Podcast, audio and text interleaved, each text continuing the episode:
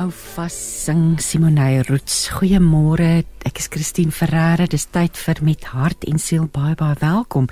Ons kuier ver oggend saam hier op Radio Kansel en Kaapse Kansel soos altyd tot 11uur vanoggend. Nou vanoggend gesels ek met Trevor Hudson oor hoe God ons uitnooi om daagliks in vriendskap met hom te tree.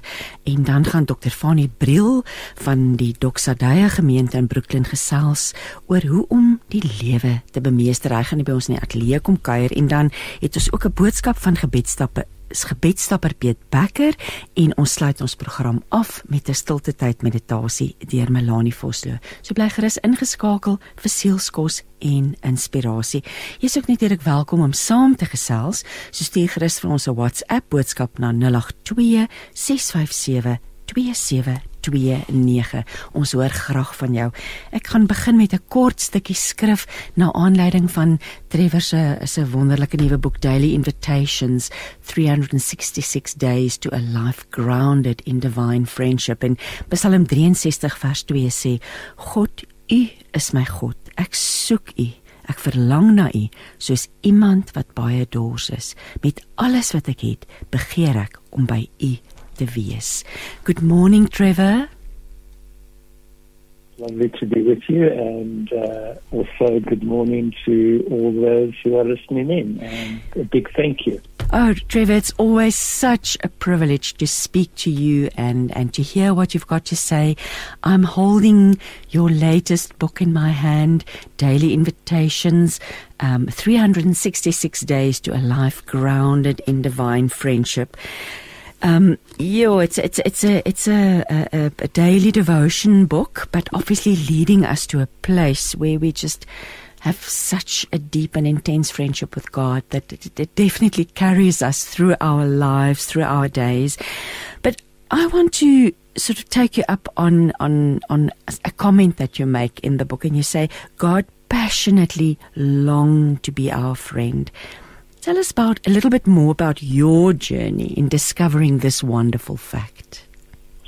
Oh, thanks, Christine, and thanks so much for also just sharing the news of the book. It's very close to my heart. You know, I I never grew up in a Christian home, and um, when I initially made my first commitment to Christ, I, I was I think I was in my I was 16 years of age. Um, I received a gift of a of a small little book. Uh, it must have uh, it must have been 120, 130 pages, and the title of that book uh, kind of just found its way into my heart as a 17 year old, and I've never forgotten the title. And the title of that book was uh, "A Transforming Friendship." Mm. And it, it was a book about having a transforming friendship with Christ.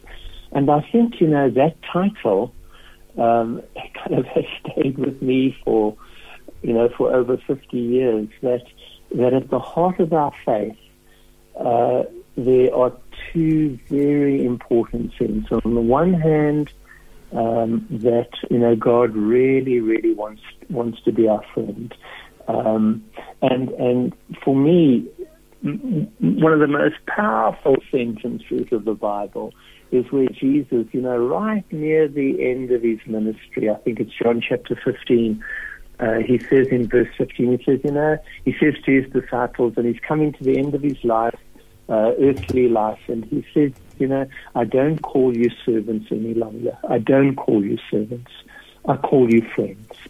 And it's almost as if that the ministry of Jesus itself was a, you know, he was constantly wanting to draw people into deep friendship. And so, on the one hand, I had this deep, deep conviction, and it's been a conviction now for a long, long time, that we are called into friendship with God. And on the other hand, and I don't want to go too far down this route, on the other hand, it's not a it's a friendship that really transforms us. Mm-hmm. It it changes us. It transforms uh, not theoretically. It really transforms the way we live our lives, the way we live our relationships, and the way we live our work. And so, um, yeah. so the theme of friendship, you're, you're right. The theme of friendship has has been a very, very close one uh, in my own life for for many, many, many decades.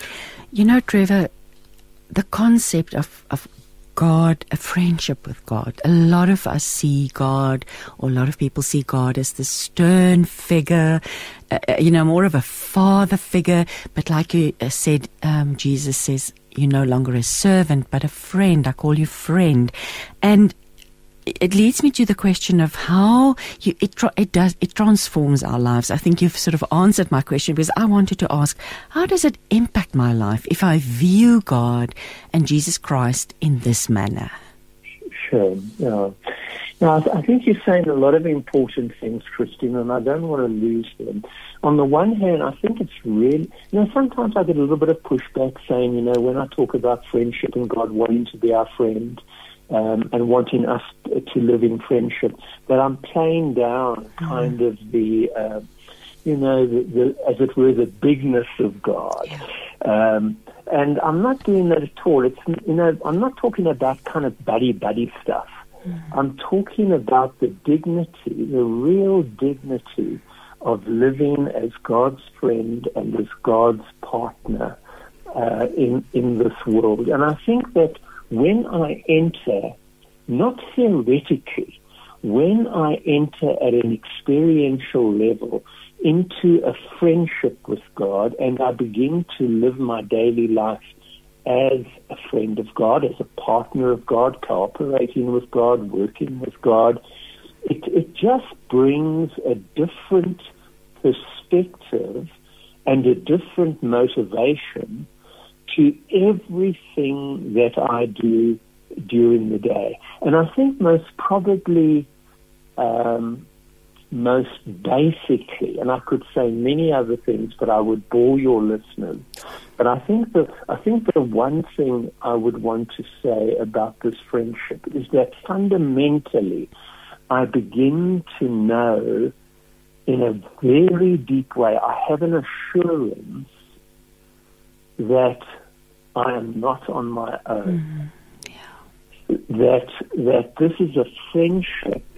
That this is a divine. I'm living in a divine friendship, and I can never be separate from it. Um, and that, for me, um, particularly in moments of, of you know real challenge, of crisis, of loss, mm. suffering, heartache, heart heartbreak that reality has slowly grown in my life. And it has been a very, very special grace gift. And for me, it's, that for me is the fundamental gift of, of living in divine friendship. And, but it's not a theory. It is really an experiential reality. Trevor, what would you say to somebody who's, who says, why would God want to be my friend? I'm a broken sinner. I'm imperfect. I'm sure, lost. Sure. Well, the, the, first thing I would say, you know, I would say to that person, as I say to myself, why do you think you are on earth?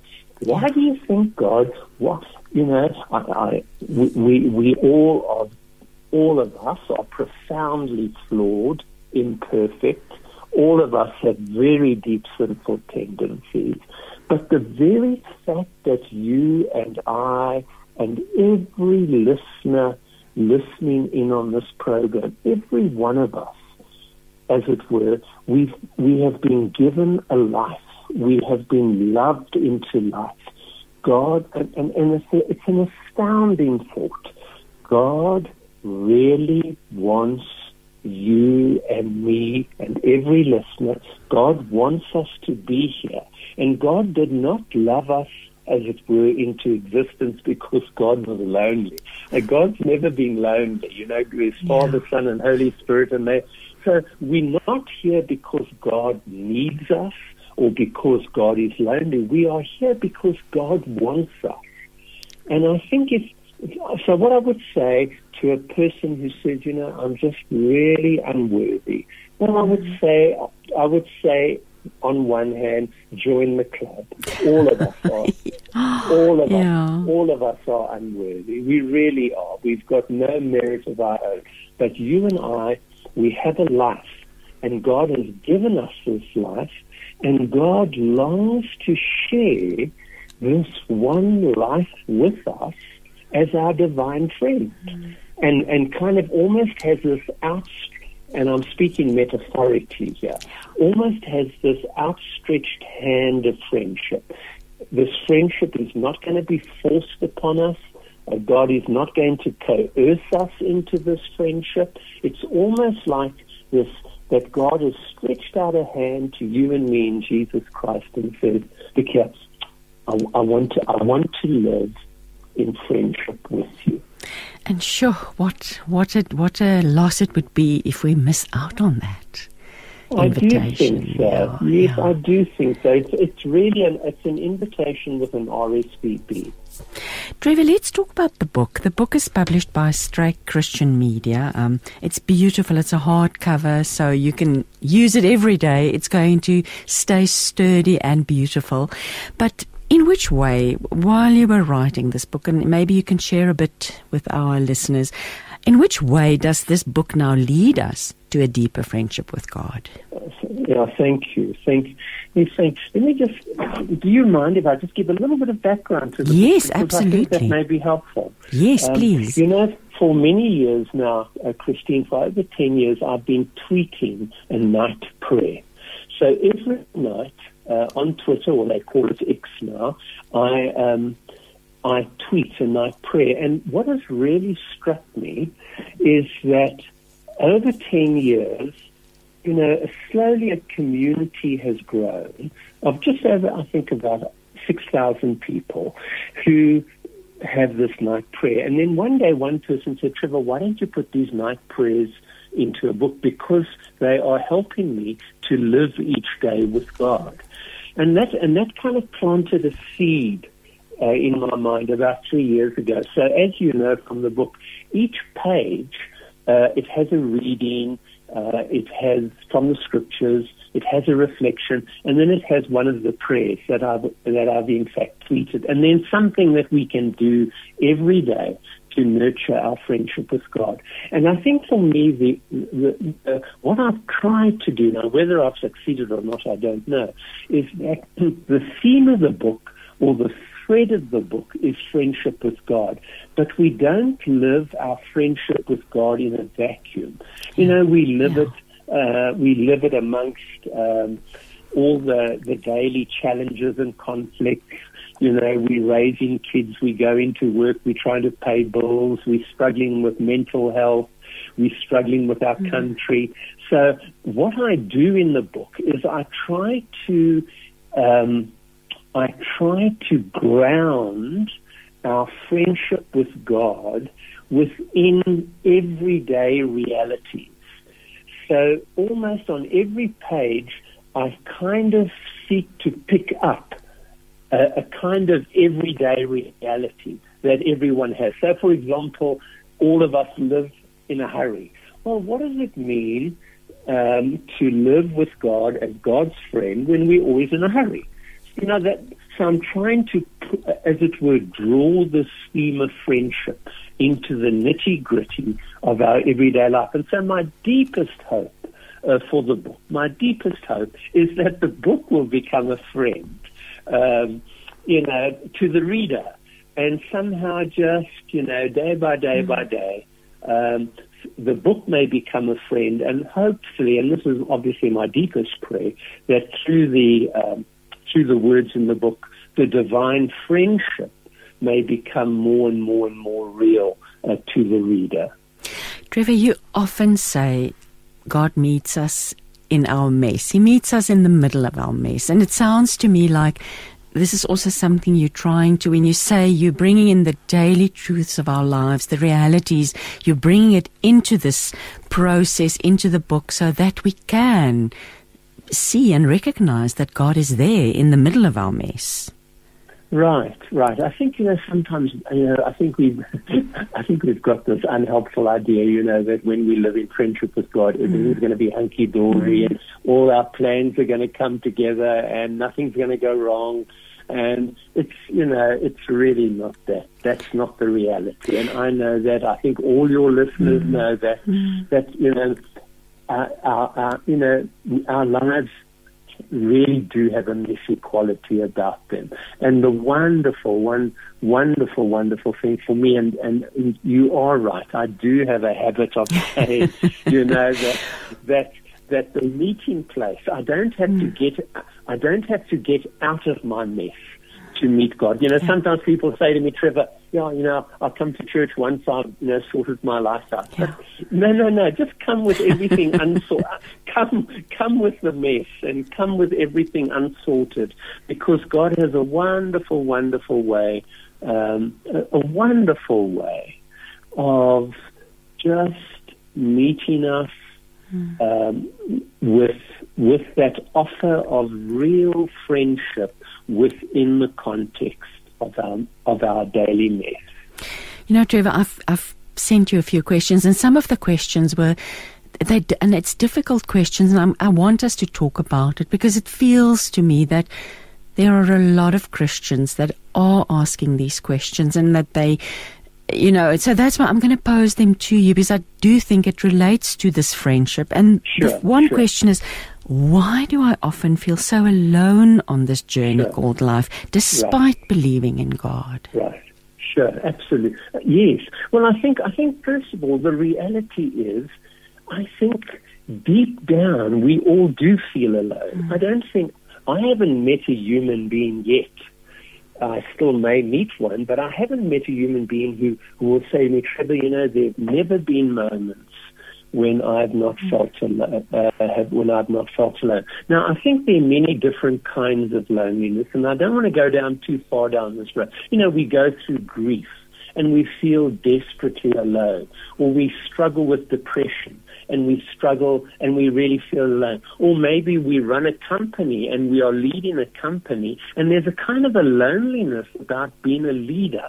You know, you feel the buck stops with me. Um, or when we're in a decision making moment. Decision making moments can be very, very lonely moments. Um, or when you're stuck in hospital and you're mm. struggling with chronic pain. So I think loneliness is part and parcel of what it means to be a human being. But I want to say something here, and I hope I can communicate this. That I think in our moments of deepest, deepest loneliness, at the heart of our loneliness, there is, there is, how do I put this? There is like a, a treasure. And that treasure is our longing is our deep longing to know the reality of God in our life because I think ultimately, ultimately, only God can meet us at our deepest points of aloneness and loneliness. I'm not saying human companionship is not important. I think it's very important. But I don't, I think we, we are expecting too much of our partners in life, our spouses, mm. our children. If we expect them, if we expect them to be the answer to our deepest, deepest loneliness, I think our deepest loneliness is a reminder to us that we need someone who can meet us in that place, and that hmm. someone is the one who has given us our life and who longs to be our friend. And the last thing I want to say, and I'm speaking too much here, I think that when I am alone, I and do deal with loneliness, I think it's important to face it. You know, sometimes we feel there's a bit of a stigma to say, I'm feeling very lonely at the moment. I don't think mm. there's any stigma at all. And, and I want to encourage your listeners that, that if they're in a place of just feeling, you know, I'm just feeling on my own at the moment, just to face it, it doesn't make me a bad person. I'm not losing it. It's a deep, deep human experience. And just to face it and maybe to find a trusted friend um, who's not going to try and fix me up, but who I know cares for me, and simply to say to that person, you know, these last few days or last few months or last few years have been very lonely for me. And I think sometimes, you know, if we can also, as human beings, share our loneliness with each other, I think it can. I think while it will not, it will, it will not, it will not solve our deepest loneliness, as it were. I think it brings a measure of comfort and companionship at a human level, which we all need as well. Trevor, this brings me to another question, or I'm going to bundle these questions together. Is mm, please a, a believer that says, I've turned my back on him. I've been mad at God for a while now. I've lost all hope. I feel he has forgotten me. How can I reconcile with him as my friend and my father? Sure, absolutely right. Well, I think, you know, again, let's, let's start just with the analogy of um, of our deepest human friendship. If, if I were to ask you, Christine, or ask myself, or ask your listeners, think of your deepest human friendship. It may be your marriage, it may be it just may be a close friend. I think that part and parcel of any friendship, real, deep, significant friendship, are experiences of disappointment, experiences of being let down, experiences of anger. Uh, I think there's no real friendship without those mm. real human emotions. And I think it's exactly the same in our divine friendship. That when I live in divine friendship, I experience you know, a whole gamut of emotions. I can experience real anger about how life has turned out. Um, or uh, I can experience real anger at what has happened to loved ones and how come this this happened. And and so my, my you asked me a direct question. My direct answer would be that when I when I'm experiencing uh, emotions like real anger towards God or real disappointment in God, then for me, the, the way towards a deepening friendship is for me to be like the psalmist and to begin to share some of the depths of hmm. my anger and disappointment with God. I think my anger and my disappointment can either lead me away from God. I'm going to say, I'll never talk to God again. What's the use, etc. And so I just I, I, go further and further away, and I and while I can understand the person who does that, I don't think that option ultimately leads to life. Yeah. I think it leads. I, I, think it leads into a very deep darkness. Or I can say, I can say to God, God, you know, I don't understand what happened has happened. I am very, very angry, and I and I can I can really vent. I can express my anger, and I think when I'm able to do that, something shifts in my friendship with God. It almost gives God a chance.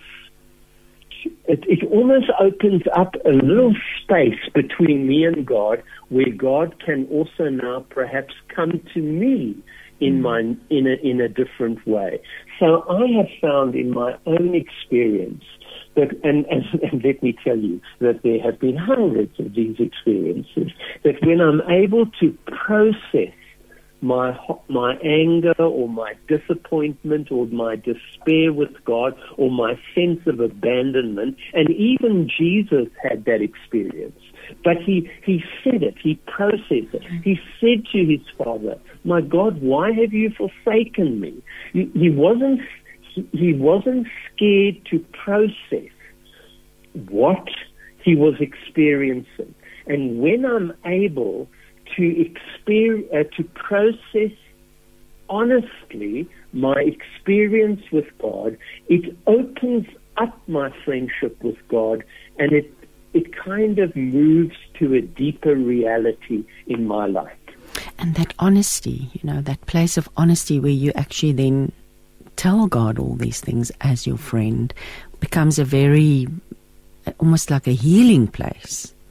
Yeah, I, you know, I think it was Martin Luther. It was Martin Luther who said the first law of prayer is just be honest. Yeah. Um, and you yeah. know, and, and really, but that's so hard for us. Yeah. You know, we often we we often now I listen to people pray sometimes. You know, it's like we we kind of um, I don't know. We we kind of change gears. We mm. become mm. almost less human sometimes, and we and it's like we feel we've got to say certain things and not say other things, and and somehow I think just Christine, I think the bedrock, the bedrock of a real friendship with God is a very deep and real honesty that opens my life up to the divine friendship. Trevor, we're going to take a short music break, and then after the break, I would love to talk to you about a statement that you make. God wants us to trust Him, and trust, of course, being one of the main characteristics of a friendship. But first, let's just listen to Neville D, who's going to sing for us op 'n ander manier. Ja, luister na my hart en siel Neville D het vir ons gesing op 'n ander manier. Ek gesels met Trevor Hudson oor sy nuwe boek Daily Invitations: 366 Days to a Life Grounded in Divine Friendship, uitgegee deur Struik Christian Media. Trevor, we were going to talk about trust as mm. discussed before the song. Um, right. Trust being one of the main characteristics of a friend of a friendship, and you say God wants us to trust Him.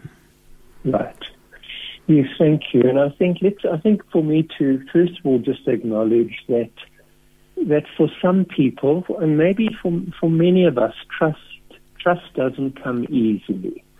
Um, I think you know we. I think we just generally speaking, mm. we we live in a, a, a in a in a world where there's a crisis of trust.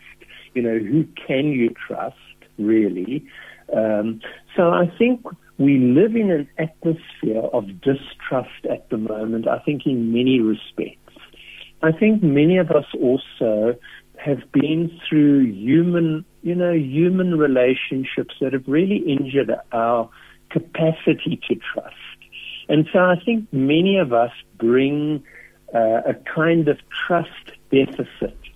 Um, so, in terms of our friendship with God, for me, a starting point is to, you know, again, I like to be just really kind of, I hope, quite simple about this, is to say to God, you know, God, I really, I really do want to trust you. And I, I want to ask you, please, Lord, to, to give me on a daily basis, to give me the gift of trust to be able to trust uh, the reality of your friendship. So I think for me, the beginning of trusting is I don't try to manufacture it. I don't say to myself at the beginning of the day, I must really try to trust God. That trust is not something I try to do. Trust is something that slowly grows in me through experience. And as I learn, I ask God for trust, and as I learn to trust His friendship, and as I learn to share myself with God, that little seed of trust, and we don't need a lot to begin with. You know, like a mustard seed. A mustard seed's very small. But so I don't need lots of trust. I just need a little to begin with. And maybe the little to begin with is just to simply accept, you know, I'm going to begin to trust that God wants to be my friend.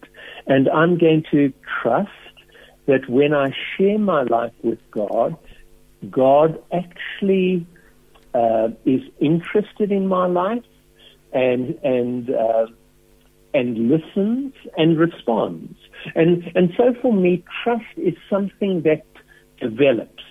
So I would want to say to a listener who's really battling with trust, why don't you ask God to help you to trust for the next hour?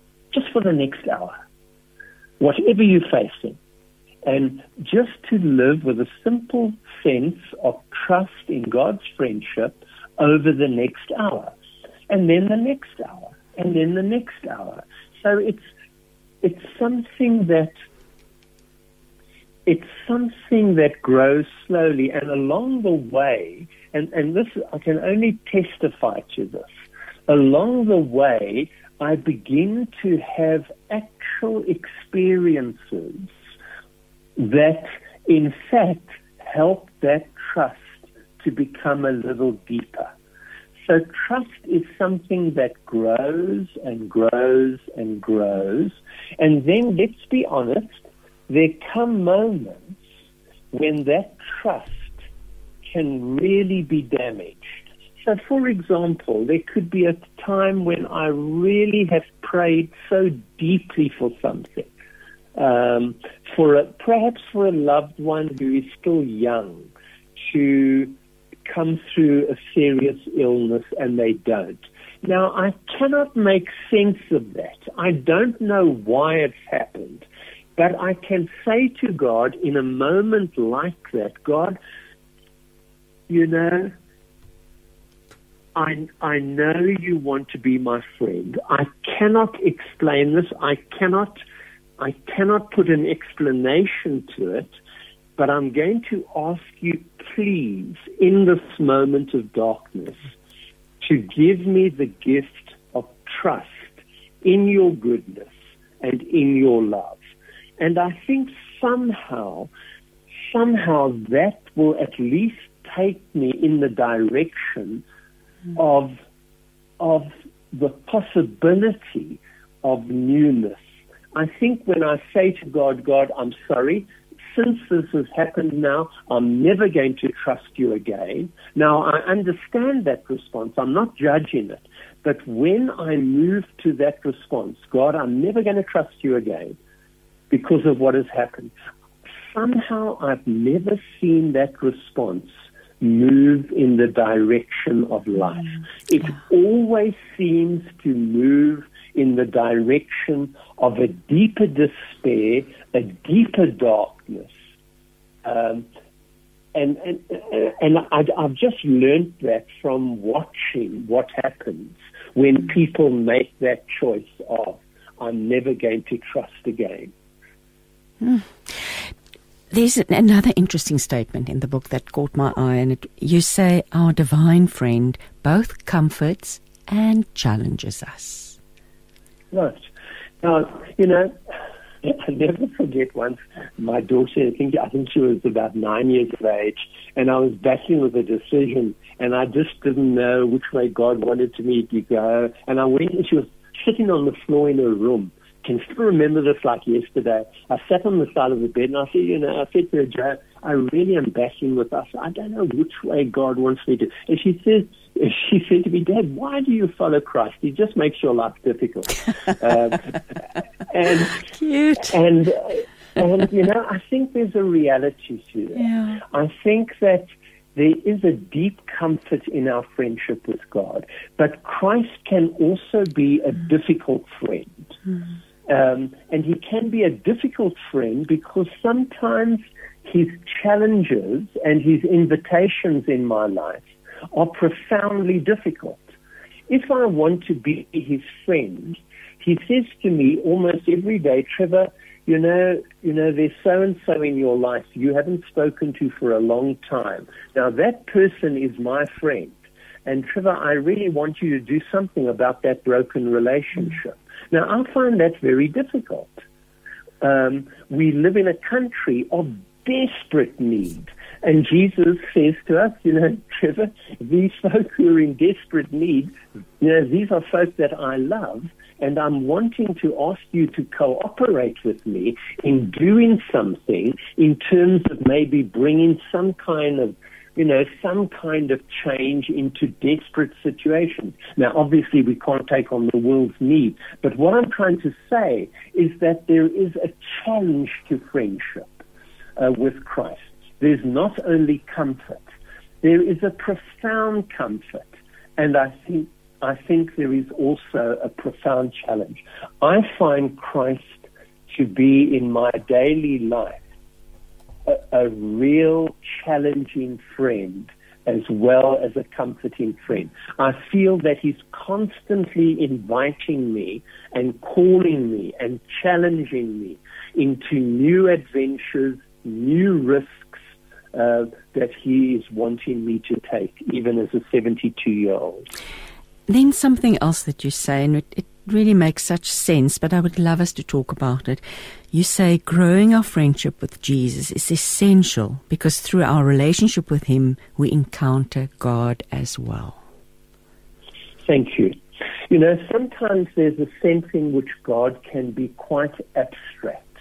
You know, God, you know, it's like a big word, and God is looking after seven and a half billion people at this moment. But there's somehow I think what I love about God and means so much to me, and it's the bottom line of my faith, is that this that this big, big, big God who's running this world and universe has come to us personally in Jesus Christ. So there's a sense in which God has made God's self accessible to us. And so God gives me a faith, and that faith, the faith of God, I see in the face of Christ.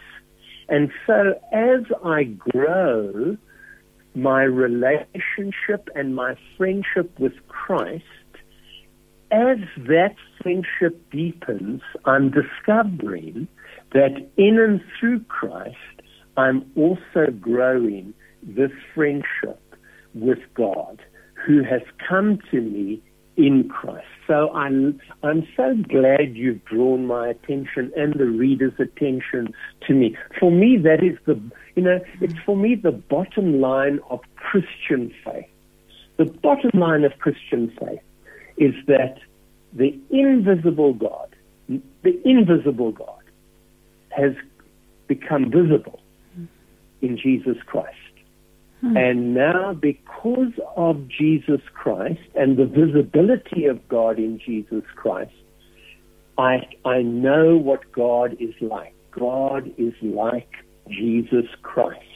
And that's why I'm so confident of God's desire to be our friend because Jesus said, hmm. I don't call you servants call, you, call friend. you friend. So you come full circle, and you, Trevor, I just look again at the title or the subtitle to a life grounded in divine friendship. I think that also is quite key in this whole process of developing our friendship. And we've come almost to the end of our time together. Are there any final thoughts from your side? And then I would also ask you if you may please close this conversation for us in prayer. Yeah, sure. Thanks. Well, obviously, Christine, I think firstly, just a huge thank you to you uh, for this conversation. I really value that. And also to those who've been listening in.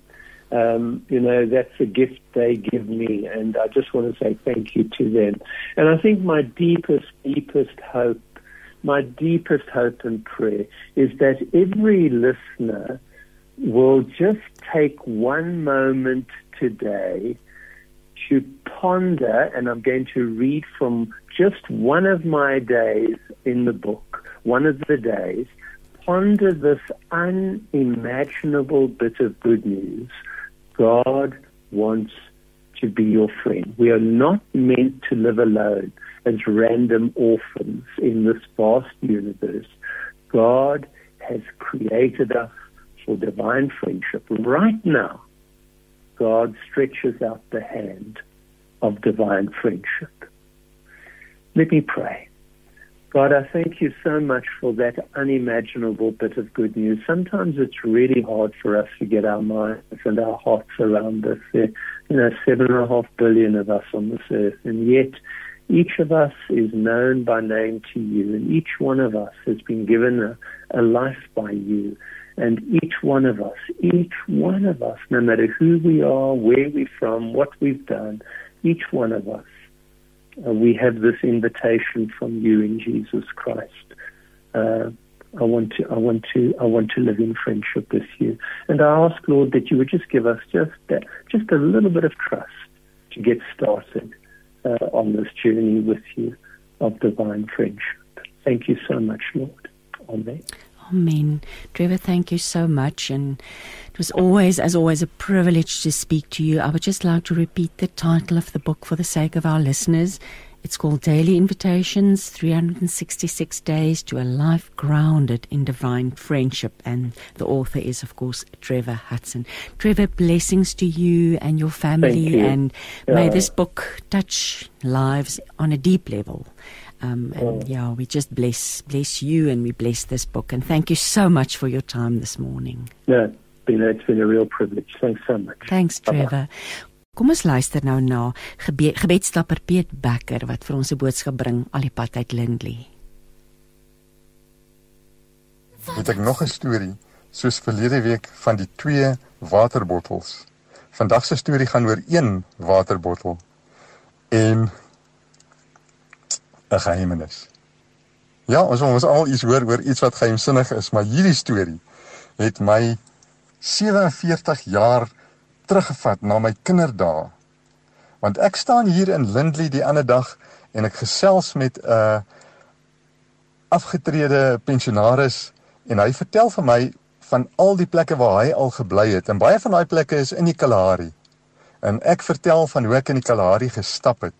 En terwyl ons gesprek so draai in uh by plekke soos Kuruman, uh Priska, put sonder water. Askam vra hy uit die bloute vir my. Luister, het jy al ooit gehoor van Koos Kalahari se bakkiespomp? Maar ek is uit die veld geslaan want ek het as 'n kind eendag in die kerk die storie gehoor van Koos Kalahari se bakkiespomp. Die dominee daardie tyd, Dominee Teens Botha het van die kansel in in ons kerk in Johannesburg uh vertel van sy familie se vakansie wat hulle in die Kalahari gehad het en ek het aan sy lippe gehang terwyl hy vertel van uh die sandduine en die wye uitgestrekte vlaktes muurshope wat so hoog is soos 'n kombi, soos 'n voertuig. Uh dit was my alles interessant, maar die ding wat my die meeste gefassineer het, was die storie van presies dieselfde Koos Kalahari se bakkiespomp. So in my lewe is ek gefassineer met hierdie storie en dit het my bygebly tot skielik op hierdie dag 'n paar weke gelede hier in Lindley toe iemand uit die bloute vir my vra of ek weet van hierdie plek. En ja, toe weet ek van hierdie plek en Dominitians Botha wou uh, dit gebruik uh, om te verduidelik wat beteken glo en geloof. Want soos wat ek verlede week vertel het van hoe dat die Here my waterbottels volmaak. Hy het mense gebruik, maar dit dit was hy wat my waterbottel volgemaak het. Wil ek vandag vir jou vertel van 'n waterbottel wat vol is wat iemand moet leegmaak. Nou wat gebeur is jy stap verbeel jou, jy stap vir dae en vir ure oor sandduine in die Kalahari. En dis woestynland man, dis sandwêreld, duine en jy kom by hierdie groenigheid en daar's 'n put en daar's 'n pomp bo die put. En dis nie net vir kraan oopdraai soos vandag nie. Daar's 'n blikkie met 'n briefie by die pomp. En dan maak jy die briefie oop. Dan staan daar geskrywe: Hier is 'n waterbottel weggesteek en hy verduidelik presies waar die waterbottel is en hy's vol water. Dan sê die briefie: Jy moet die water vat en dit hier in die put afgooi in die pomp in. En dan as jy pomp, sal die pomp werk want die want die pomp met met moet met water aan die gang gesit word. So daar lê die geloof. Jy kom aan dorstig. Jy kry hierdie bottel water. Gaan jy nou hierdie bottel water drink of gaan jy glo dat as jy hom in die font in die, in die put uitgooi dat hy die pomp gaan maak werk en gaan jy glo dat daar wel water onder in die put is. Dis 'n toets van geloof. Een van die mooiste toetse wat uh eintlik oor my pad, my lewenspad gekom het. So as jy dan die water ingooi en jy begin pomp, dan kom die water uit. En die briefie het 'n tweede uh vraag wat hy sê sal jy dan as jy klaar water gepomp het, weer die bottel volmaak, hom styf toemaak en hom weer wegsteek sodat die volgende moe dorstige reisiger ook water kan hê. Net so is dit met ons geloof. Ek het gaan soek in die Bybel want die van julle wat my ken sal weet ek soek altyd waar staan die dinge in die Bybel geskryf. Nou ja, waar staan dit in die Bybel geskryf van Koos Kalahari se bakkiespomp met 'n briefie wat jy moet glo voordat uh, jy die water kan kry. En daar kry ek dit in Johannes 7 vers 38. Hy wat in my glo, soos die skrif sê, strome van lewende water sal uit sy binneste vloei. Ag amen man. Uh mag jy wanneer dit om jou soos 'n waterlose plek en 'n put sonder water lyk, mense bedien met strome van lewende water net omdat jy glo in wat in die groot brief geskryf staan. Amen. Deel ons passie vir die lewe op 657 Radio Kansel en 729 Kaapse Kansel. Jy luister dan met hart en siel. Ek is Christine Ferreira en hier by my in die ateljee kuier Dr. Fanie Briel um, van die Doxadaye, ekskuus tog, Doxadayo Raslou gemeente. Welkom Fanie. Lekker om jou hier te verwelkom in die ateljee vanoggend. Dis 'n baie groot voorreg om jou te kan kuier Christine en uh, ek is bly jou luisteraars is ingeskakel en ek vertrou regtig dat ons gesprek regtig 'n uh, 'n diep betekenis vir iemand sal hê vandag. Ek hoop so Fanie en, en en ons kan die Here daarvoor natuurlik vertrou. Een van die dinge wat waaroor jy passie het, is jy so 'n lewensafrigter. Jy's pastoor, lewensafrigter, iemand met 'n vol lewe. En ek het so 'n bietjie op jou webwerf gaan loer en allerlei allerlei interessante vrae amper afgekom in my gees oor hoe kan ons ons volle potensiaal bereik? Ons leef in 'n wêreld met soveel kompetisie, met soveel druk. Ja. Um, mense kry swaar op die oomblik. Dit ek, ek ek weet ons sê dit gereeld, maar mense hoor elke dag van mense wat maar knak onder die druk. Ja. Um, maar Ek gaan begin om vir jou te vra waar het jou passie vandaan gekom om mense te lei tot by hierdie plek waar hulle die mens kan wees wat God hulle geskaap het om te wees. Weet jy ek het 'n interessante journey gehad en uh, jy moet nou uh, my verskoon as ek net my Afrikaans en my Engels nou so 'n bietjie meng vandag. Uh maar dit het as 'n klein seentjie eintlik begin. En was ek altyd gefassineer gewees deur grootendeels predikers. En in die tyd wat ek 'n klein seentjie was, was die enigste ou wat eintlik op ons op ons TV uitgesaai was, was 'n dienste uitgesaai was was Jimmy Swaggart. Kan jy onthou? Ja. En uh, ja. ja, en ek het na hierdie man gekyk en as 'n klein seentjie het iets in my hart wakker geword daarvan. En het ek vir baie jare eintlik as 'n uh, as 'n laity in my kamer gegaan en preke gaan preek en ek het later selfs vir my preke gerekord op ons het daai jaar nog bandjies gehad. Bandopnames gemaak vir my preke en dit vir my ouers gespeel wanneer hulle van die kerk af teruggekom het. Maar dit is net 'n ek ek weet nie, dit is net iets wat my gegryp het vandat ek die eerste keer blootstelling daaraan gehad het. En was dit net nog al die jare hierdie brandende begeerte binne my gewees om mense te help om net absoluut hulle volle lewe te leef en by hulle volle potensiaal uit te kom. En hoe het jy ek is nou baie nuuskierig want hoe het jy toe toe jy teologie gaan studeer? Na skool. Wat ja. wat is hoe hoe die twee goed toe bymekaar uitgekom, die twee strome nou? Ja, ek is na matriek is ek Rema Bybelskool toe. En uh, daai jaar was dit nog diensplig geweest. En die enigste manier wat jy diensplig kon vryspring is as jy gesê het jy gaan swat. So toe besluit ek maar ek wou regtig gaan swat. Wil, ja, ja. En uh, so ek is toe vir 2 jaar na Rema Bybelskool toe in Randburg. Uh die ou pastoor uh Raymond Collie. Ehm um, en daarna is ek vir 4 jaar teologiese college toe AGS uh, apostoliese geloofsending van Suid-Afrika het ek toe nou daar my my teologie gaan doen. So ek het daai 6 jaar agter die rug en toe het ek nou na dit nou nog 'n bietjie hmm. verder gaan studeer wat my meesters nou aanbetref het en en my uh, my doctorate in divinity en al daai goed en die lewensafrigting wanneer dit toe begin bykom want want 'n pastoor of 'n predikant 'n uh, herder is in elk geval dis ja. wat jy die hele tyd uit mee besig is ja. nê om mense te lei ja.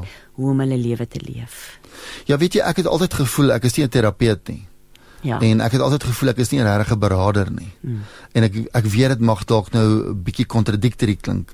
Ek maar daar's 'n verskil, nee. Ons gaan nou nou praat oor ja, die Ja, daar's 'n klein bietjie van 'n verskil ja, in dit. Ja.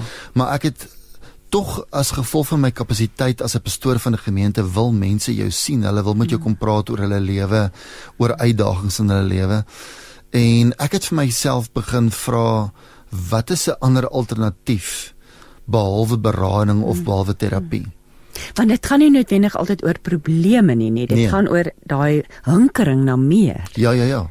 Baie keer kom sien mense jou en is presies so wat jy sê, hulle het nie so seer 'n probleem nie uh hulle het nie so seer 'n terapeutiese saak waarmee hulle sit nie, maar hulle wil graag hulle lewe vorentoe vat. Uh ons praat in die Engels van acceleration. Hulle wil hulle droom vorentoe vat of hulle wil hulle droom verwesenlik, maar hulle voel stak en hulle weet nie hoe verder te gaan nie. En toe ek bietjie begin skouers skuur met die hele coaching wêreld uh konsep en en en toe ek dit lees en ek leer meer daarvan. Hmm toe sê ek vir myself wel hierdie is die ideale ding want dit is so aanvullend van jou as 'n prediker en mense wat jy ook op 'n een op op een basis kom sien om met hulle En natuurlik jy kom vanuit 'n geloofsperspektief en 'n Christelike perspektief. Ja. Kan is dit reg om te sê 'n lewensafrigter is am, is amper 'n mentor op op op soos hulle in Engels ons praat nou 'n bietjie vandag die mekaar 'n ja. mentor op steroids. Is dit amper wat 'n mens sou kon sê? Dit is ontrent wat dit is. ja, 'n um, uh, ja, 'n uh, 'n uh, life coach uh, is is is 'n cheerleader. Ja. Dit is dit is iemand wat vir jou sê jy kan hierdie doen, maar dit is nie net iemand wat vir jou sê jy kan hierdie doen nie maar hulle help jou met strategie ja, ook. Ja. So as jy voor my kom sit en sê vir my Fanie, hier's hier's 'n 'n sekere doel uh of droom vir my lewe wat ek graag wil verwesenlik. Maar ek ek voel half stak. Ek ek hmm, ek kom net nie aan die ja, gang nie. Ja. Uh dan is my rol om vir jou te sê dan maar okay, kom ons maak hierdie ding nou prakties. Kom ons sit stappe in plek. En hierdie stappe moet gemeet kan word. Stap nommer 1, stap nommer 2, stap nommer 3 en ek dink die belangrikste deel van 'n life coach is hy word ook jou uh, weer eens verskoon die die Engels, hy word jou accountability partner. Ja.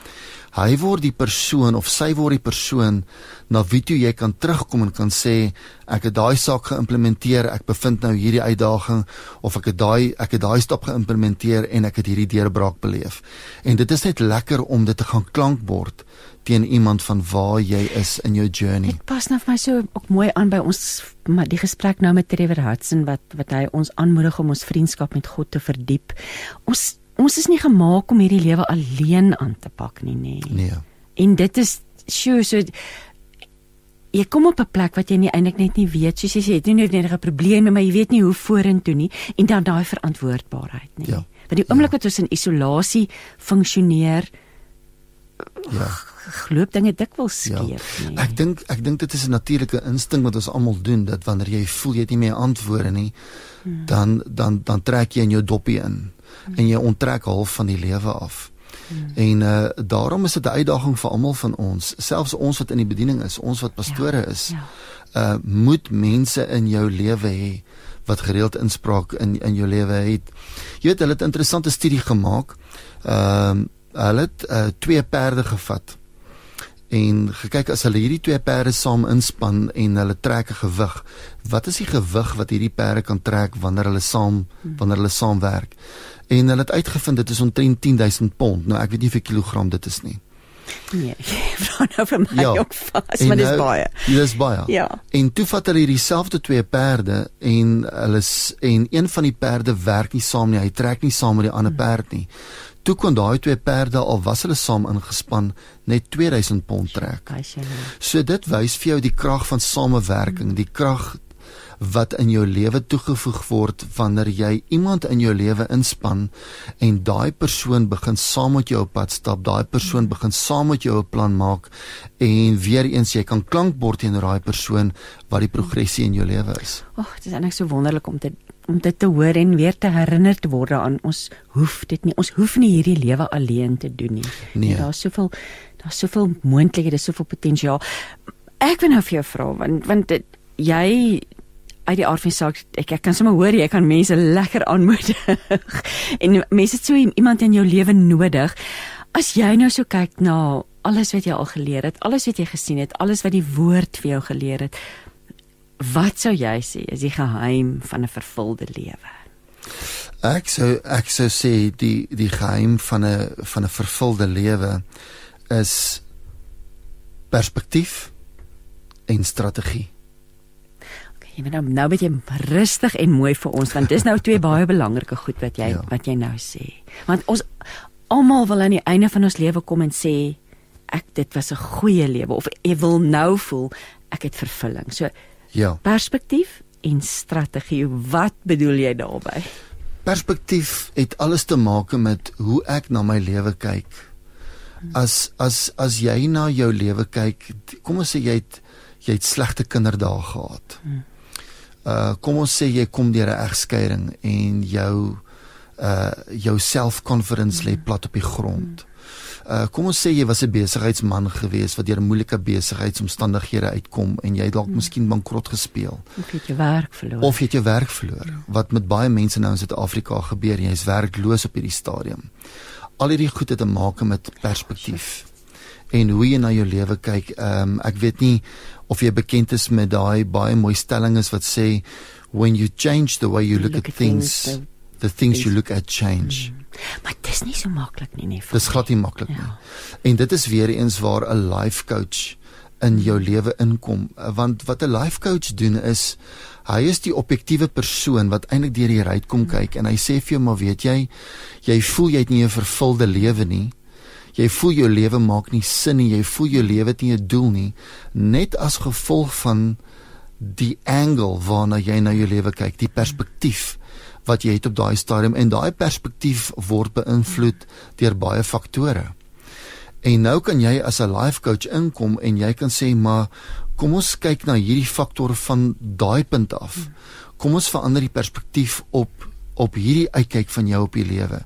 En skielik begin hierdie goed te skuif en begin jy 'n ander doel te sien.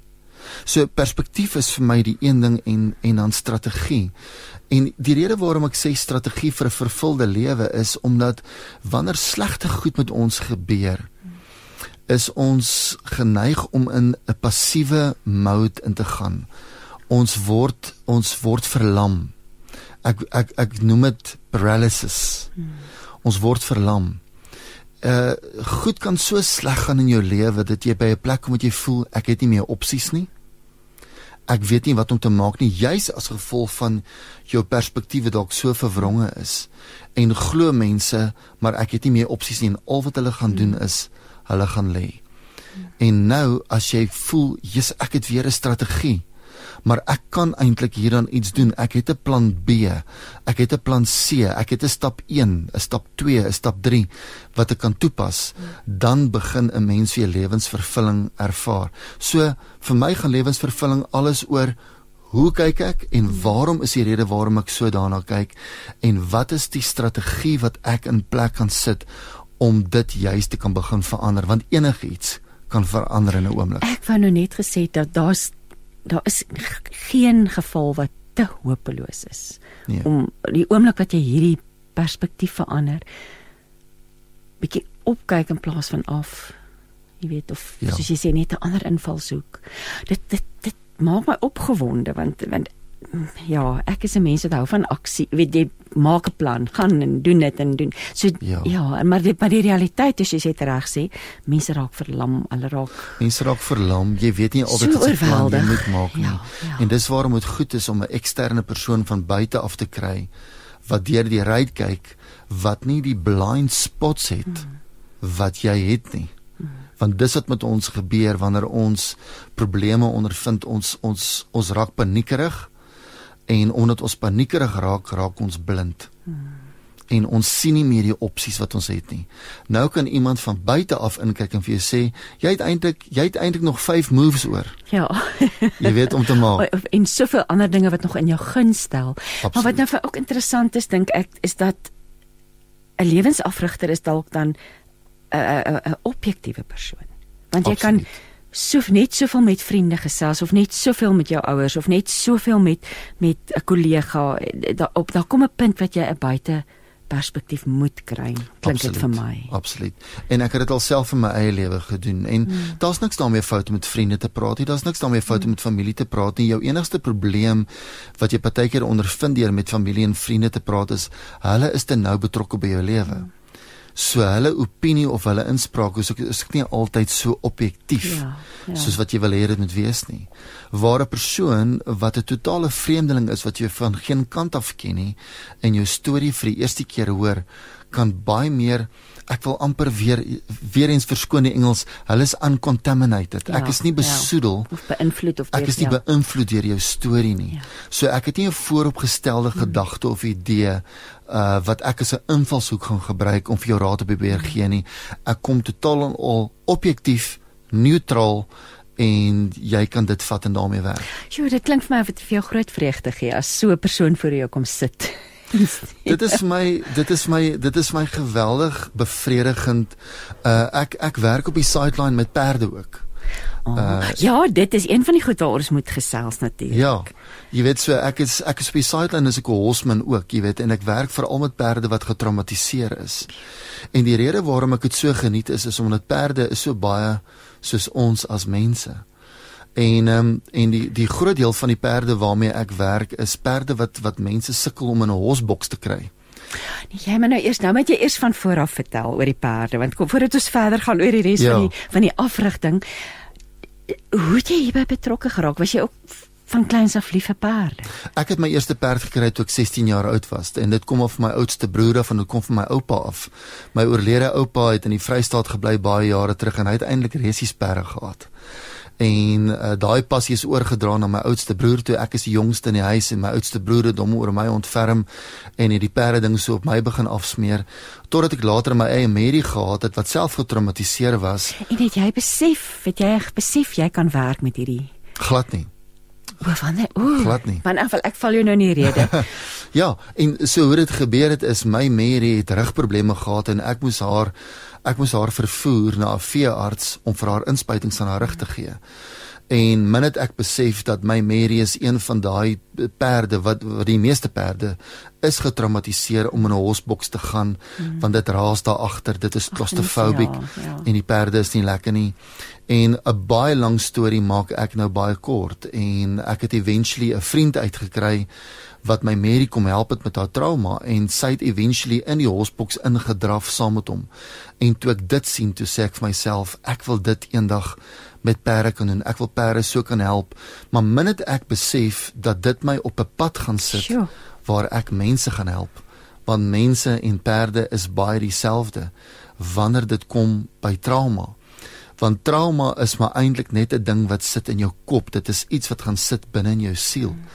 En dit het te maak met 'n perspektief. So my oorwinning wanneer ek kom by 'n perd, wanneer 'n perd uiteindelik in 'n hosboks gaan waar hy in die verlede dit probeer vir my het op sy agterpote gaan staan of, of probeer weghardloop het, die oorwinning vir my is dat die perd het 'n klik in sy eie kop gaan maak maar jy het hom daartoe geluister. Is is jy wat wat wat genoem word 'n horse whisperer? Hulle noem dit 'n horse whisperer. Perdefluisteraar, seker die regte Afrikaans.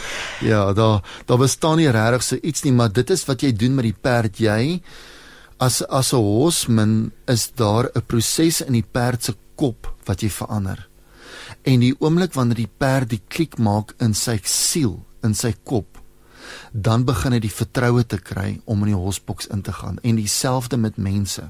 Maar dis hom is dit vat dit lank. Hoe jy kan nou jou geheime hier vir ons seker deel nie, maar begin jy deur die perd met aanraking en praat jy met hom of hoe Wat kan jy vir ons vertel? Dis vir my vreeslik ja, interessant. Ja, die wel die manier wat jy praat met 'n perd is met jou lyf. Want 'n perd verstaan nie ons taal nie. Ons as mense is verbaal ingestel. Ja Ons wil alles reg praat. Maar selfs my en jou grootste kommunikasie is nie eens eintlik die gesprek wat ons hierso het nie. My en jou grootste kommunikasie is eintlik ons lyfstaal en die energie wat ons afgee teenoor mekaar. So werk dit na perde toe en so werk dit na mense toe. So as ek as ek met 'n vreemde persoon one-on-one -on -one sit vir die eerste keer, is dit nie hulle hulle hoor nie wat ek sê nie. Wat hulle eers optel is my vibe, my energie wat ek afgee. Dieselfde met 'n koppel wat wat op 'n date gaan vir die eerste keer uh wanneer jy van die date af terugkom kan jy vra die mense vir jou hoe dit gegaan het en waaroor jy die meeste praat is die vibe, die energie wat ek gevoel het hoe die persoon my laat voel het.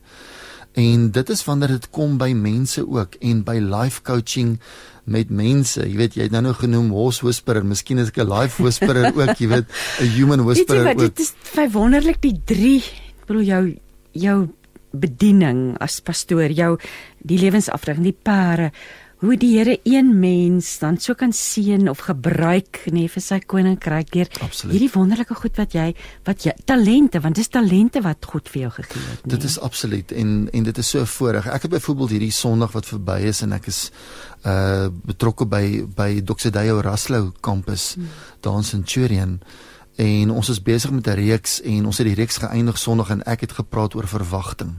Mm, dis 'n wonderlike ja, ding. hoor. expectation. En ek kan nie vir jou sê hoeveel mense na die tyd na my toe Mm. gekom het en 'n dankie gesê het nie. Hoeveel mense na die tyd vir my gesê het hoeveel mense uit die gebou uitgestap het en eintlik Mm. trane in hulle oë gehad het. nie. Want want dit is waarvoor ons as mens maar leef. Mm. Ons leef vir daai stukkie van hoop nog. Ja, ja. Ons leef vir daai verwagting veral as mense deur trauma kom. Veral as mense deur verlies kom. Is daar nog daai stukkie hoop wat ons soek, daai iemand wat vir jou sê jy kan hierdie doen. Daar is nog hoop vir jou. Dis nou ewe kom ons luister gou. Is 'n luisteraar wat sê dit is presies so. My dogter volg Warwick Scheller. Jy sal seker ook weet wie hierdie persoon is. Dit presies dit doen en hy sê dieselfde. Dit is geweldig interessant. Um, hy het dit begin omdat sy vrou angsaanvalle gekry het en hy haar wou help en hy het toe geoefen op sy perde. Hoe interessant is dit? Nou weer eens bring die twee goed bymekaar. Ja. Fanie, dit voel net vir my. Ek voel net ons is in 'n plek in hierdie wêreld en en wat ons het hierdie ek is so bly en noem verwagting.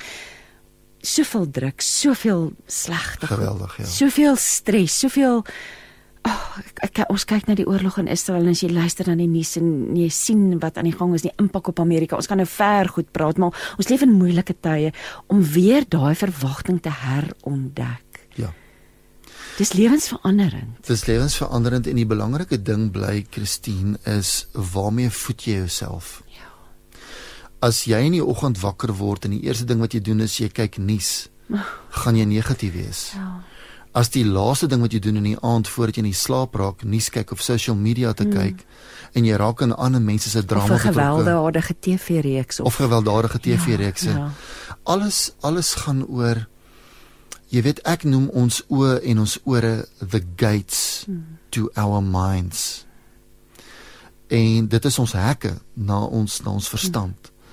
En tot watter mate beskerm ons ons gates, ons hekke. Hmm. En ons is daai verwoor- eh, verantwoordelike persone. So dit is dit is en Sondag toe ek gepraat het ook oor verwagting het ek vir die mense gesê, jy weet, hulle het hulle het studies gemaak oor the top achievers in die wêreld. Hmm. En hulle het gaan kyk wat is die rotine van mense wat top achievers is of dit nou is in die politieke arena of dit nou is in die sportveld of dit nou is in die kerkwêreld en hulle het bevind dat mense wat top achievers is, die laaste ding wat hulle doen aan die uh, voordat hulle aan die slaap raak in die aand is hulle vat pen en papier en hulle skryf neer ten minste 3 goed waarvoor hulle dankbaar is vir hulle dag. Hulle raak nie aan die slaap met die TV nie. Hulle raak nie aan die slaap met sosiale media nie. Met ander woorde, hierdie mense het hulle uit 'n ander manier wat hulle self voed. Veral ons wat in Suid-Afrika bly met met met met uitdagings op soveel fronte in ons land uh is dit van kardinale belang dat ek en jy vir onsself vra wat is dit wat ek lees? Wat is dit wat ek luister? Na wie luister ek? Hierdie gateways van my my oë en my ore wat is die inligting wat deur dit gaan? Hoe is my filters ingestel?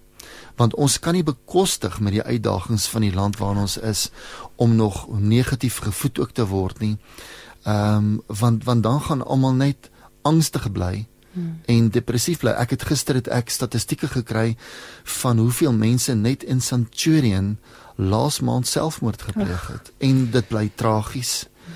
Maar dit alles gaan oor waarmee voed ons onsself oh, ja, ons aan die einde ja. van die dag.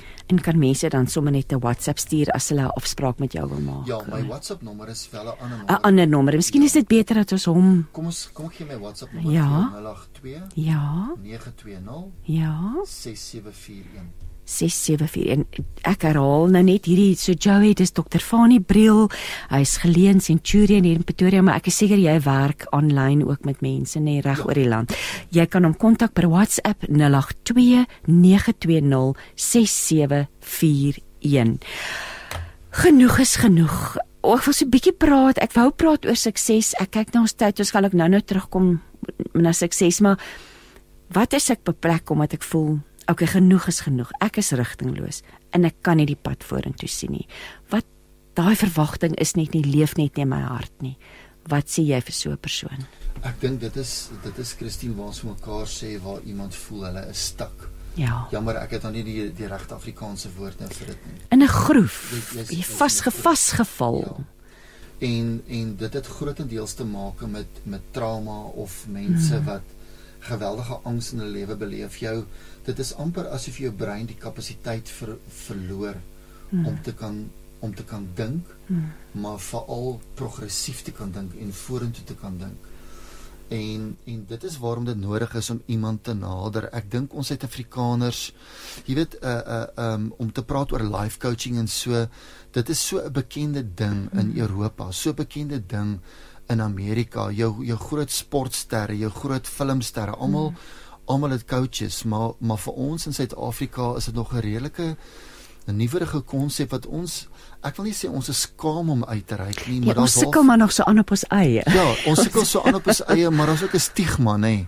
Da daar's daai stigma van daar's niks fout met my kop nie. Ja, ek kan dit self uitsorteer. Ek kan dit self uitsorteer, maar hmm. niemand het gesê daar's fout met jou kop nie. Hmm. Ons almal kom net een of ander tyd op 'n plek in ons lewe wat ons soos jy sê rigtingloos voel. Ek hmm. weet nie meer waarna toe nie en en my my my eerste aanbeveling sal wees kry 'n mentor, kry mm. iemand om mee te praat. As jy in 'n kerk is, 'n geestelike leier, 'n selgroepleier, ehm um, 'n coach, 'n sielkundige, iemand iemand wat wat gegrond is in daai gebied wat objektief staan in jou lewe teenoor wie jy net kan sê hier's waar ek myself bevind, wat kan jy mm. vir my volgende sê?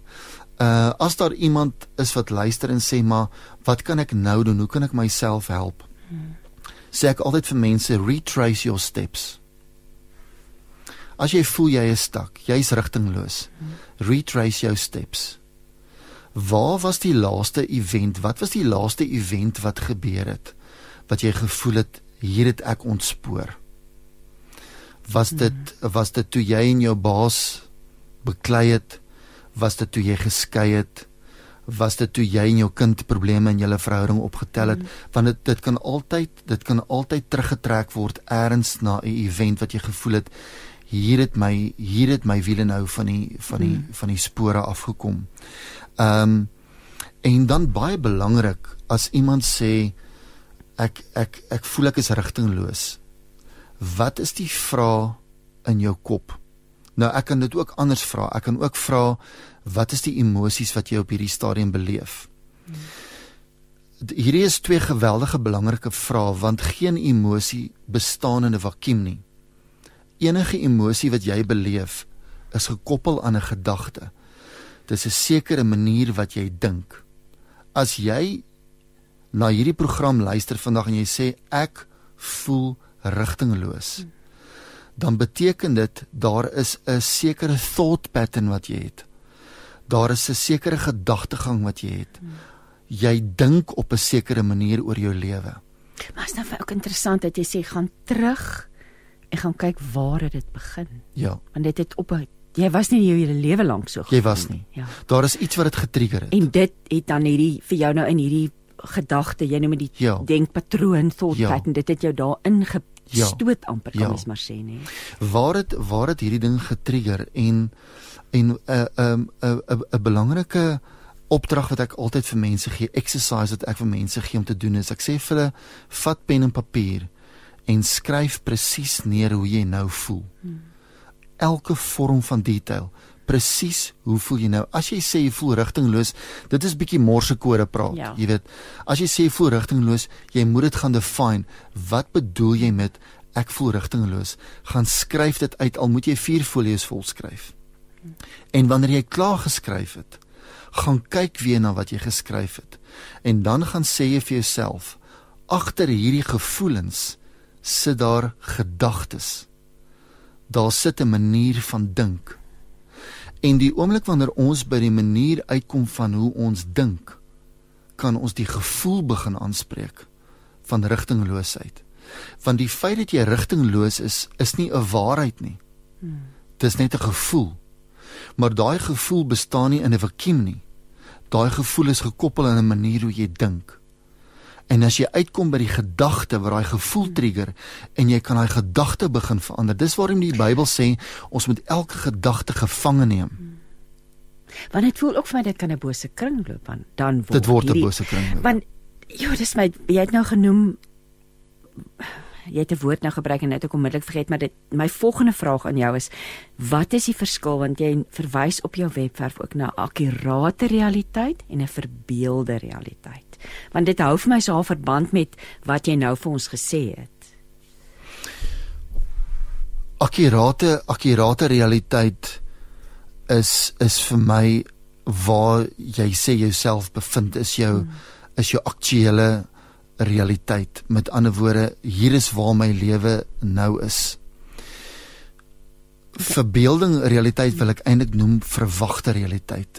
Wat is jou verwagting? of so dit kan 'n kan, so dis eintlik 'n positiewe ding die verbeelde realiteit so kan is jy 'n kan jy ding. jou verbeel dat jou akkurate realiteit swak en sleg is en dat daar eintlik 'n Ja. uitkoms is nie. So dit kan aan albei kante toe gaan. Kan na albei kante toe gaan. Ja.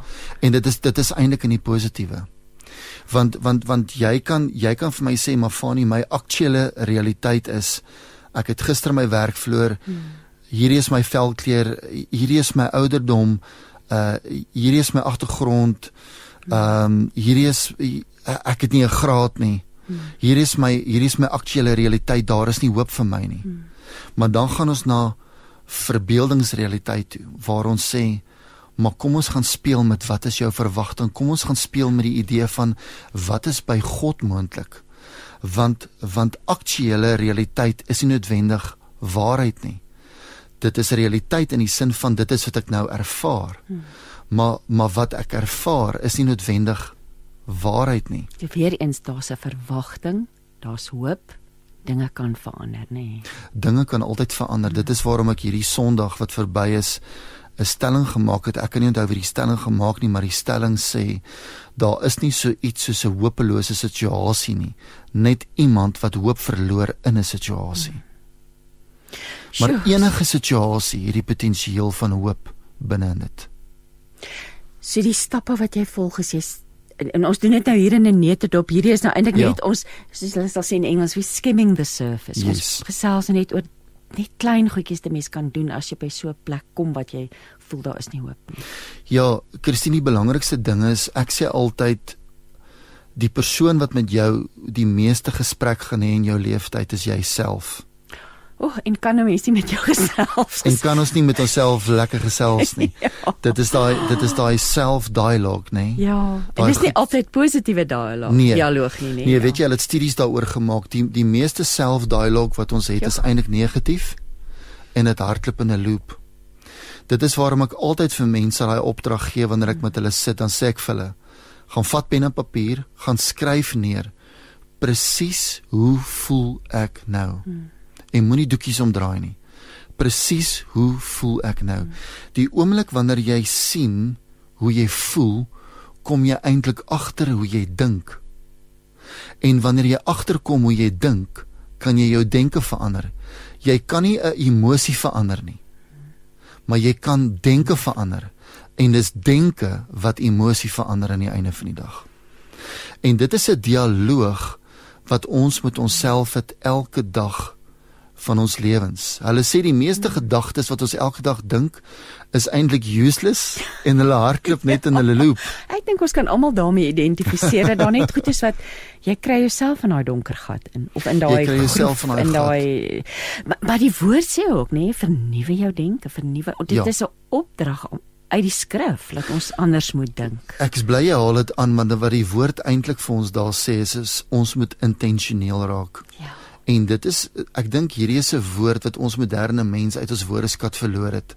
Is die woord inten, in, intentionaliteit. Hmm. Die gedagte wat ek dink, het ek hom gekies of is hy net op autopilot? Hmm. Die emosie wat ek beleef wanneer ek vanmôre my kar klim op dieselfde highway klim en na dieselfde werk toe ry. Daai emosie wat ek beleef, het ek hom intentioneel gekies of is daai emosie maar net op autopilot wat ek vir die laaste 3 maande, 6 maande, 3 jaar maar net toelaat binne in my binne in my stelsel. God het ons amazing wesens gemaak. Ek is ek is vreeslik lief vir Genesis 1, Genesis 2 en Psalm 24 want want want daai drie skrifgedeeltes vat hande met mekaar. Die Bybel sê in Genesis ons is gemaak na die beeld van God. Nou as jy na na ehm um, Psalm 24 toe gaan, dan sê dit God het ons bietjie minder gemaak as 'n engel. Maar daai woord engel is maar net bietjie 'n swak vertaling, nê. Nee, daai woord engel is die Hebreëse woord Elohim wat eintlik een van die name van God is. Maar dit is 'n baie dit is 'n baie spesifieke naam van God want Elohim is God in sy skepingskapasiteit. So wanneer die Bybel vir ons sê in Genesis ons is gemaak na die beeld van God, dan sê dit eintlik vir ons ons is gemaak met skepingskapasiteit. Elke dag van my en jou lewe skep ons. Geen gedagte binne in jou kop bestaan dit van self nie. Hy's geskep deur jou. Al ran hy op autopilot. Enige emosie binne in jou is geskep deur jou. Elke gedagte wat ek dink, kies ek. Dit hang net af watse gedagte ek kies. Elke emosie wat ek binne my lewe beleef elke dag van my lewe, kies ek. Dit hang net af watse gedagte ek kies wat gekoppel is aan daai emosie.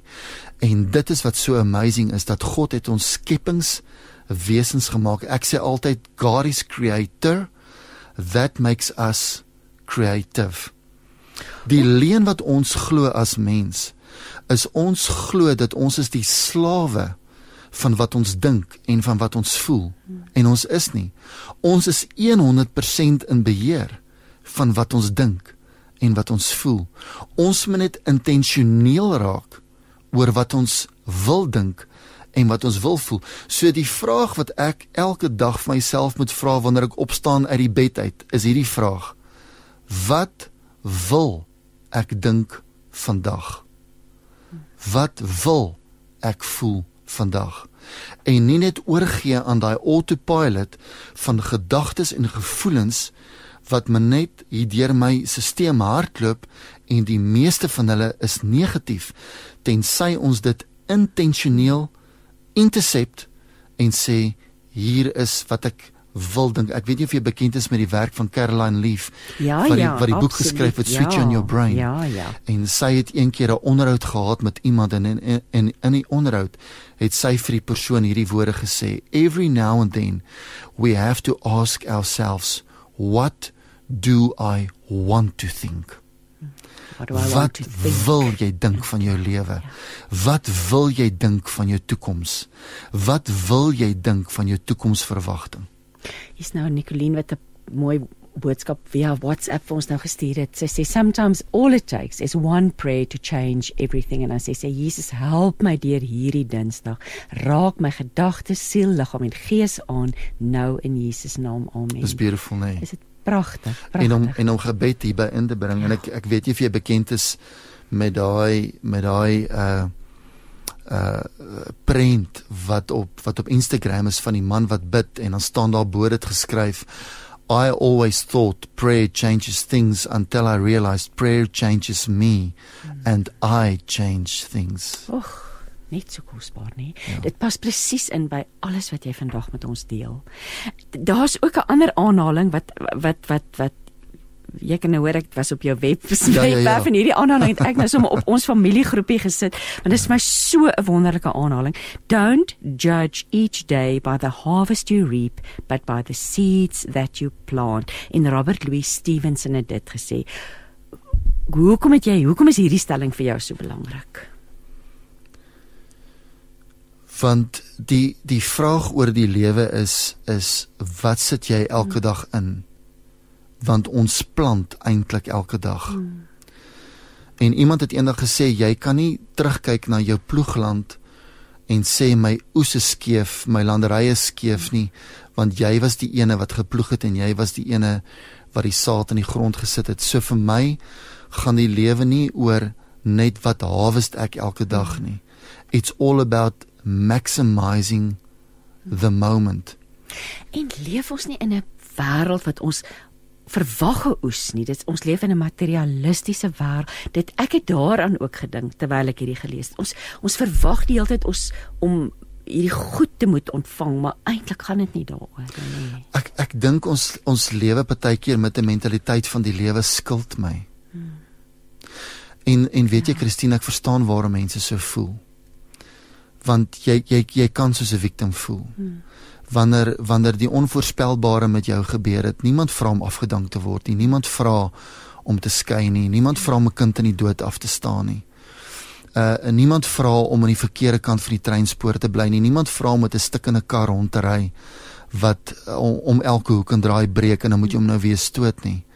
So die lewe gebeur met mense en slegte goed gebeur werklik met goeie mense, maar die die gevaar is in dit dat jy 'n victim mentality aankweek en wat jy naderhand by 'n plek kom wat jy voel die lewe skuld my. Hmm.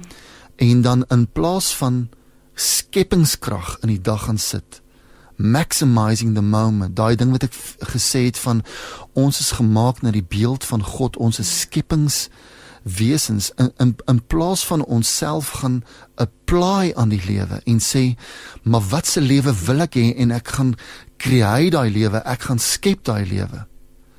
Word ons verlam gaan sit ons in 'n hoekie kry ons 'n victim mentaliteit en voel ons die lewe skuld ons. En weet jy wat? Die lewe skuld ons niks want die lewe het ons alles gegee om ons lewens beter te maak. As jy lig in jou longe het, as jy daar sit vandag en jy kan asemhaal en ek moet jou dalk net die storie vertel voordat ons van lyn af gaan vandag of van die lig af gaan vandag van 'n van 'n storie wat wat pastoor Willie Botha vertel het. Maar solank as wat jy lig in jou longe het, beteken dit dat jy het nog die vermoë, jy het nog die potensiaal, jy het nog die geleentheid om 'n verandering aan jou lewe te maak. Die vraag is wat se lewe wil jy hê? Most people, most people uh settle for the life that they've been given instead of creating the life that's possible. So terwyl jy na hierdie program luister vandag, het jy by 'n plek gekom wat jy net gaan settle het vir die lewe wat jy voel jy gegee is of maximize jy die moment en gebruik elke greintjie van die potensiaal en talent wat God binne jou gesit het om die lewe te maak wat jy glo vir jou moontlik is in jou lewenstyd. Jo, Willie. Ag, Willie, waar is ek nou Fani? Ek dink nou onmiddellik aan iemand anders. Ongelooflike woorde en ek ek wil eintlik vir jou vra. Ek voel vir ons kan niks kan nou eintlik sterker as dit wees nie en ek wil ek dit lê nou in my hart. Wil jy net asseblief vir ons bid? Ek sal. Ek voel net in my hart dat ons kom ons bid asseblief as jy vir ons sal bid en vir almal wat luister vandag. Kom ons bid saam. Here, ek bid vir elke luisteraar. Elke man, vrou, jong mens, bejaarde wat aan hierdie program vandag luister. Ten spyte van hulle omstandighede. Ten spyte van lewensgebeure. Ten spyte van die spasie waarin hulle hart of waarin hulle verstand nou ook al mag wees. Dat daar 'n stuk verwagting sal wees. Dat daar nou 'n stuk hoop sal wees. My storie eindig nie hier nie. My storie eindig nie so nie God is 'n God van herstel. God is 'n God wat mens by die hand kom vat en hy tel jou op. Hy kyk jou in die oë en hy sê vir jou die gedagtes wat ek vir jou het is goeie gedagtes en is gedagtes van voorspoed en nie van onheil nie om vir jou 'n hoopvolle toekoms te gee. Die psalmdigter skryf in die Engels The name of the Lord is a strong tower. The righteous run into him and they are safe. Ek bid vir die man en vrou wat na hierdie program luister en by die plek gekom het waar hulle moedeloos is, hopeloos is. Ek bid vir die man en vrou wat voel ek het by die einde van myself gekom vandag. Ek het by die einde van my lewenspad gekom. Is my gebed Heilige Gees dat U nou in die naam van Jesus Christus daardie persoon se gemoed en hart sal aanraak. God is besig met die boek van ons lewe. Dit help nie ons gaan steek vas op die bladsy wat maar net nie geëindig het soos wat ons gehoop het hy gaan eindig nie. Ek bid vir elke persoon wat in hierdie wat aan hierdie program luister mag hulle nou hierdie hoofstuk waar hulle is afsluit die bladsy omblaai en saam met God hierdie pad verder stap en sê God is besig met die boek van my lewe en God se storie eindig altyd goed. Dankie dat u trane afdroog waaraan nou gehuil word. Dankie dat ag dat u gemoedere optel wat plat op die grond lê. Dankie dat u drome optel wat stikkend lê van die onvoorspelbare het gebeur en as daar enige man en vrou is wat hulle self in 'n hoek gaan dryf het wat hulle sê ek is 'n victim van die lewe. Laat hulle verlos sal word van daai mentaliteit sal opstaan en sal sê met my God is enige iets moontlik. Dawid het gesê met my God kan ek oor 'n muur spring met my God kan ek 'n bende stormloop en mag dit in elkeen se gemoed wees vandag. Ek bid vir 'n vaste vertroue. Ek bid vir 'n nuwe verwagting en ek bid vir 'n geloof wat berge sal versit in mense se lewens vandag in Jesus se naam. Amen. Amen, Shuveli. Ag, hoekom hou ek aan vir jou Willie sê? Want ek het vir jou gesê ek wil jou 'n storie vertel oor Willie Botha. Seker. Shufani, so dankie vir daardie gebed vir nou ons het dit Ek dink elkeen van ons het dit so nodig gehad en dat ons met 'n verwagting en 'n hoop kan leef en Maar ek wil jou graag terugnooi want ek ek sien hier's nog vrae op my lys oor jou lewenswaarhede. Ja. Daar's nog baie dinge. So ek hoop ek kan jou in die nuwe jaar of Ek dink hierdie jaar loop so vinnig ten einde, ja, maar ek nee, sal graag weer met jou wil gesels in die nuwe jaar en ek wil graag jou detail herhaal. Ehm um, Bongani wys my ek moet begin klaarmaak, maar ek wil net graag ter wille van ons luisteraars ehm um, jou detail herhaal. So dit ek het nou gesels met Dr. Fani Briel. Hy is by Doxadeo in Raslouw kampus, maar jy kan hom kontak via WhatsApp. Ehm um, 082 920 6741. Hy's 'n lewensafrigter. En klink vir my die man wat jou kan vat na daardie plek waar God graag wil hê jy moet wees in jou lewe. So. Baie baie, baie dankie vir die geleentheid. Ek waardeer dit geweldig baie en enige tyd is ek weer bereid om saam met jou te weer gesels in die nuwe jaar. Daar's nog baie prate te praat en ek herinner ons luisteraars net aan die die uh kuier saam met Johan Els van die Stellenbosch stadsaal wat op die oomblik aan aan die gang is vanaf 3 tot 6 in die middag. Hy saai regstreeks uit vanaf 'n baie unieke potjie uitstalling en dit is ook nou jou geleentheid om aanlyn op 'n eksklusiewe potjie skildery te bi of jy in Stellenbosch of Sannieshof is. So besoek ons webwerf by radiokansel.co.za, klik op die advertensie met die potjie skildery en dit sal die Bitpro blad oopmaak. Kies dan all auctions, selekteer fundraising, 'n hele mond vol, maar gaan kyk gerus en Alle opbrengste van hierdie pragtige skildery word aan Radio Kansel geskenk en luister gerus vanmiddag na Johan Els van 3 tot 6 vanaf die Stellenbosch stadsaal. Ek sê dankie vir Mongani vir sy tegniese versorging vandag en liewe luisteraars seën tot volgende week. Totsiens.